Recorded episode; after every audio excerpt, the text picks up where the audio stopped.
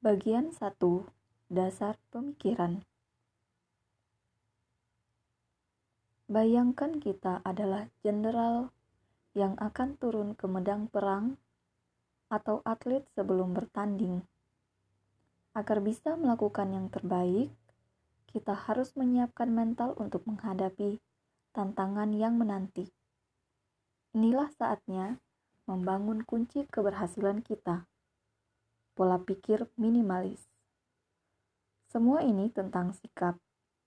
Sebelum mengendalikan apa yang kita miliki, kita harus mengubah hubungan dengan barang itu. Kita harus memaknai, mengenali kegunaan, dan mempertimbangkan dampaknya terhadap hidup kita. Ketiga prinsip ini memudahkan kita melepaskan berbagai barang di rumah dan mencegah barang lain datang. Yang lebih penting lagi, kita akan menyadari bahwa barang-barang kita ada untuk melayani kita, bukan sebaliknya. 1. Kenali kegunaan setiap barang Anda. Coba lihat sekeliling Anda, kemungkinan besar akan langsung terlihat setidaknya 20 hingga 30 barang. Apa saja? Bagaimana barang-barang itu tiba di tempat sekarang? Apa fungsinya? Inilah saatnya mengenali kegunaan setiap barang kita. Barang-barang ini perlu dikelompokkan, dimaknai, dan diketahui kegunaannya kita perlu mengenali barang-barang yang telah memakan uang, waktu, dan energi kita saat membeli, merawat, dan menyimpannya. Kita juga perlu tahu bagaimana barang-barang itu terus bertambah. Apakah barang-barang itu bertambah sendiri saat kita tidur? Secara umum, ada tiga kategori barang, yaitu barang fungsional, barang dekoratif, dan barang emosional. Kita mulai dengan kategori yang paling mudah, yaitu barang fungsional. Barang-barang dalam kategori ini bersifat praktis, punya kegunaan, dan membantu kita menyelesaikan tugas-tugas di rumah. Ada yang penting untuk kelangsungan hidup, ada pula yang berfungsi memudahkan hidup. Kita cenderung berpikir bahwa semua barang bersifat fungsional. Pernahkah Anda membaca buku mengenai teknik-teknik bertahan hidup di alam liar? Isi buku itu sebenarnya menunjukkan kepada kita betapa sedikit barang yang kita butuhkan untuk hidup. Tempat berteduh sederhana, pakaian untuk menjaga tubuh tetap hangat, air, makanan, beberapa wadah penyimpanan, dan perlengkapan masak. Anda boleh berhenti membaca buku ini jika memang hanya barang-barang tersebut yang Anda miliki. Tapi kalau tidak, bergabunglah dengan kami dan lanjutkan. Selain barang-barang tersebut, ada barang-barang yang tidak dibutuhkan untuk dapat bertahan hidup. Tapi punya kegunaan penting seperti tempat tidur, spray, komputer, ceret, sisir, ballpoint, stapler, lampu, buku, piring, garpu, sofa, penghubung kabel, palu, obeng, alat kocok, hal-hal yang pasti tak asing bagi Anda. Dengan kata lain, barang-barang yang Anda gunakan sehari-hari dan memang bernilai bagi kehidupan Anda adalah barang yang layak dipertahankan dalam rumah tangga berorientasi minimalis. Namun ingat, agar bisa berguna, barang itu harus digunakan. Yang sering kali luput dari perhatian adalah banyak orang memiliki barang-barang yang bisa jadi berguna, tapi tidak menggunakannya. Sebagai contoh, barang sama yang Anda miliki dalam jumlah banyak. Berapa jumlah wadah plastik untuk makanan yang ada di dapur? dan yang Anda gunakan untuk membawa bekal atau menyimpan sisa makanan di lemari es, atau gergaji tanpa kabel. Ada juga barang-barang yang tidak digunakan karena terlalu sulit atau repot dibersihkan.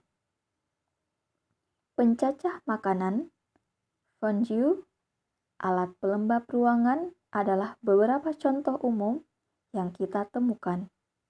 Lalu, ada pula barang untuk situasi tertentu dan mungkin dibutuhkan. Tanpa disadari, sudah menumpuk di belakang laci, menanti untuk dipakai. Barang-barang inilah yang seharusnya segera disingkirkan. Di antara barang-barang fungsional, ada juga barang-barang yang sebenarnya tidak memiliki fungsi, tapi memuaskan kebutuhan kita dalam bentuk lain. Secara sederhana, barang-barang ini kita beli karena enak dipandang. Sepanjang sejarah, manusia mendorong dirinya untuk memperindah suasana sekitarnya. Dari gambar-gambar gua di zaman purba Paleolitikum hingga lukisan yang dipajang di atas sofa. Apresiasi estetis adalah bagian penting dari identitas kita dan tidak seharusnya dihentikan. Pantulan cahaya pada vas cantik atau lekuk indah sebuah kursi berdesain modern dapat membuat jiwa kita merasakan kepuasan dan kebahagiaan yang mendalam. Oleh karena itu, Barang-barang ini bisa dan berhak menjadi bagian dari hidup kita. Satu hal yang perlu digarisbawahi adalah hal itu harus dihargai dan dihormati dengan cara diletakkan di tempat-tempat yang mudah terlihat di area rumah kita. Apabila koleksi gelas dan vas kristal Anda dibiarkan berdebu di rak, atau bahkan hanya disimpan di gudang, maknanya tak lebih dari barang biasa yang hanya menambah keruwetan. Ada tiga kategori barang, yaitu barang fungsional, barang dekoratif, dan barang emosional. Selain itu, saat membuat semacam inventory barang di rumah, jangan memutuskan pertahanan mempertahankan suatu barang hanya karena terlihat nyeni. Barang yang dibeli di bazar kerajinan tangan hanya karena menarik sesaat tidak akan selamanya menghiasi ruang tamu Anda. Di sisi lain, jika barang itu bisa selalu membuat Anda tersenyum, atau jika keindahan visualnya senantiasa membawa rasa apresiasi mendalam terhadap kehidupan, barang itu layak tetap berada di rumah Anda. Jika semua barang di rumah Anda masuk kategori fungsi, fungsional, dan dekoratif, menjadi minimalis tidak akan begitu sulit. Namun, Anda akan menemukan banyak barang yang berada di luar kategori tersebut. Dari mana datangnya dan mengapa masih ada? Umumnya, barang-barang ini memiliki nilai nos nostalgia atau kedekatan emosional. Misalnya, keramik warisan nenek, koleksi uang koin milik ayah, atau mungkin sarung yang Anda beli saat berbulan madu. Barang-barang ini mengingatkan kita akan orang, tempat, dan peristiwa yang penting bagi kita. Biasanya, barang-barang tersebut merupakan hadiah, peninggalan keluarga, atau kenangan. Terapkan prinsip yang sama jika barang itu membuat Anda bahagia. Letakkanlah di tempat yang terlihat jelas dan nikmati keberadaannya. Sebaliknya, jika mempertahankan suatu barang hanya karena merasa berkewajiban, misalnya set cangkir nenek atau tante Anda yang sudah wafat, atau sebagai bukti pengalaman, contohnya souvenir dari tempat wisata terkenal, Anda harus mempertimbangkan keberadaan barang itu dengan serius. Sambil berkeliling rumah, ajaklah barang-barang Anda mengobrol. Tanyakan, kau ini apa? Dan apa fungsimu? Bagaimana kau tiba di sini? Apakah aku membelimu? Atau apakah kau hadiah dari seseorang? Seberapa sering kau digunakan? Akankah kau kuganti jika hilang atau rusak? ataukah aku justru akan merasa lega? Apakah aku benar-benar menginginkanmu? Jawablah setiap pertanyaan dengan jujur. Apa pun yang Anda katakan, barang Anda tidak akan tersinggung. Dalam proses tanya jawab ini, Anda mungkin akan bertemu dua subkategori. Pertama, barang yang merupakan milik barang lain. Beberapa barang memang secara alamiah menghimpun barang lainnya. Misalnya, aksesoris, buku petunjuk penggunaan, dan alat pembersih. Dengan kata lain, barang yang menempel ke barang lain, barang untuk memajang barang lain, barang yang mewadahi barang lain, dan barang untuk membetulkan barang lain.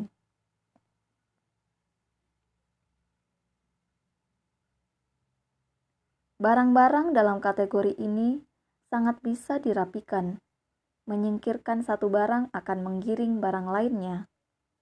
Subkategori kedua adalah barang milik orang lain.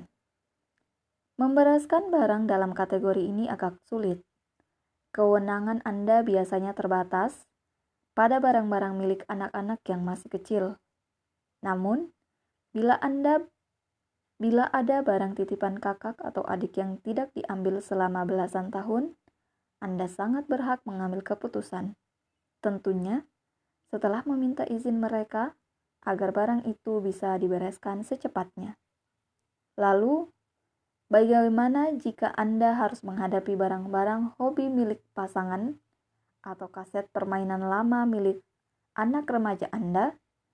Di sini dibutuhkan sikap yang lebih diplomatis.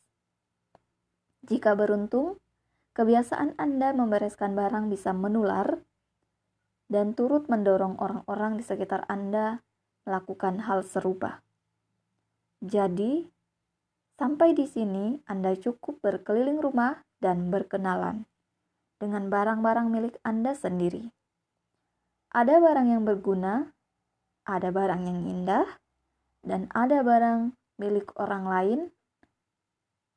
Pasti tidak susah menentukannya Jangan dulu memikirkan cara merapikan. Kita akan sampai di tahap itu sebentar lagi.